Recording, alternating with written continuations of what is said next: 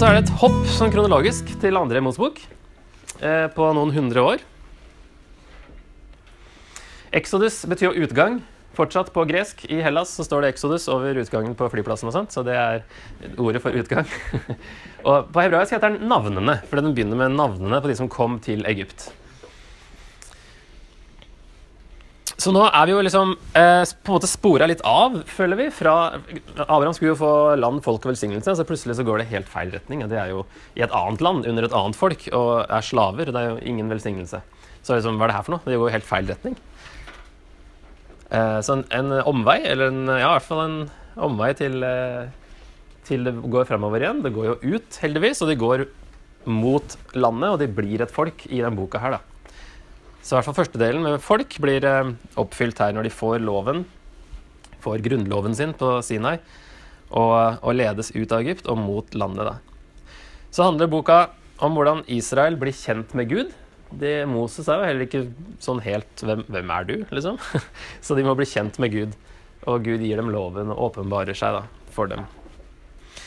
Og selv da ikke den største supermakta på den tida, Egypt, var noe problem for at Guds løfter skulle bli oppfylt. Vi kjenner jo den historien, første delen, sikkert ganske godt. Første tredjedelen, kan vi kanskje si. 1 18 er da utfrielsen og utgangen, og at de etablerer en relasjon med Gud gjennom alt det som skjer der.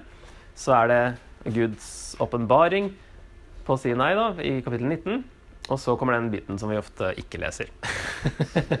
Med pakt og eh, det som kalles paktsboken. Det er noen kapitler til å begynne med her, og så får de i kapittel 25 så får de eh, får Moses da instruksjoner om hvordan bygge dette møteteltet. Og det er jo fordi de skal ha en varig relasjon med Gud. Ved at han vil bo midt iblant dem, men de må bygge dette teltet på riktig måte. Møteteltet der Gud møter menneskene. Så det er mye som har skjedd fra de er slaver i Egypt i begynnelsen, og til de er en fri, eh, fri nasjon med en relasjon til Gud på slutten. Så det skjer veldig mye i andre Mosebok. Jesus i andre Mosebok, da. Um, han fremstilles som den nye Moses i spesielt uh, Matteus. Han lager en link til at Jesus også kalles fra Egypt i en sånn kryptisk uh, sitat fra Hosea, der han klarer å se Jesus, da. Uh, så Jesus han var jo i Egypt som liten. De flykta jo dit, og så kom han tilbake. Og Matteus lager en parallell da. at uh, Israel, Moses, kom ut av Egypt. Jesus kom også ut av Egypt. både Moses og Eller ja, Jesus ble frista i ørkenen i 40 dager, og folket var i ørkenen i 40 år. Det kan nå være en parallell. Både Herodes og farao dreper småbarn. Um, så det er mye, spesielt i Matteus, da, som Jesus er en ny Moses. Det er fem vi kommer til når vi kommer til Matteus, men det er jo fem taler, fem store taler i Matteus. Kanskje som de nye fem Mosebøkene. Mye sånne interessante detaljer. I 1. Korinter 10 så eh, lager Paulus en finurlig tolkning der av eh, når han snakker om at de var i, i ørkenen. Det er for så vidt mer fra Fjerde kanskje, han henter derfra. Men han snakker om at de gikk gjennom, gjennom eh, vannet, Sivsjøen, at det var en dåp til Moses. Som at det pekte fram mot dåpen i, i, i, Jesus. da. Det er ikke sånn vi ville ha sett, kanskje, men Paulus er eh, flink til å se sånne ting. Alle ble døpt til Moses, sier han. Eh, og at klippen som fulgte dem, var Kristus. Og han ser at Jesus var allerede der i, i utgangen.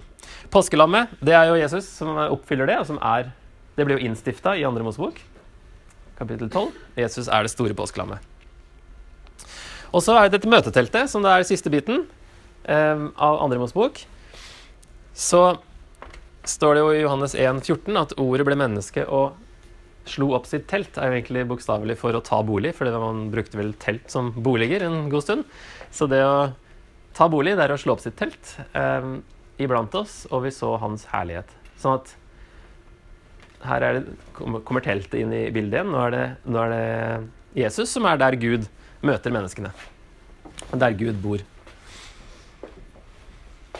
Så Hele utgangen peker fram mot frelsen i Jesus, og det her blir et veldig viktig bilde. Utgangen fra Egypt blir et veldig viktig bilde både for utgangen fra Babylon senere, men også at det peker fram mot den store utgangen, da, som er frelsen.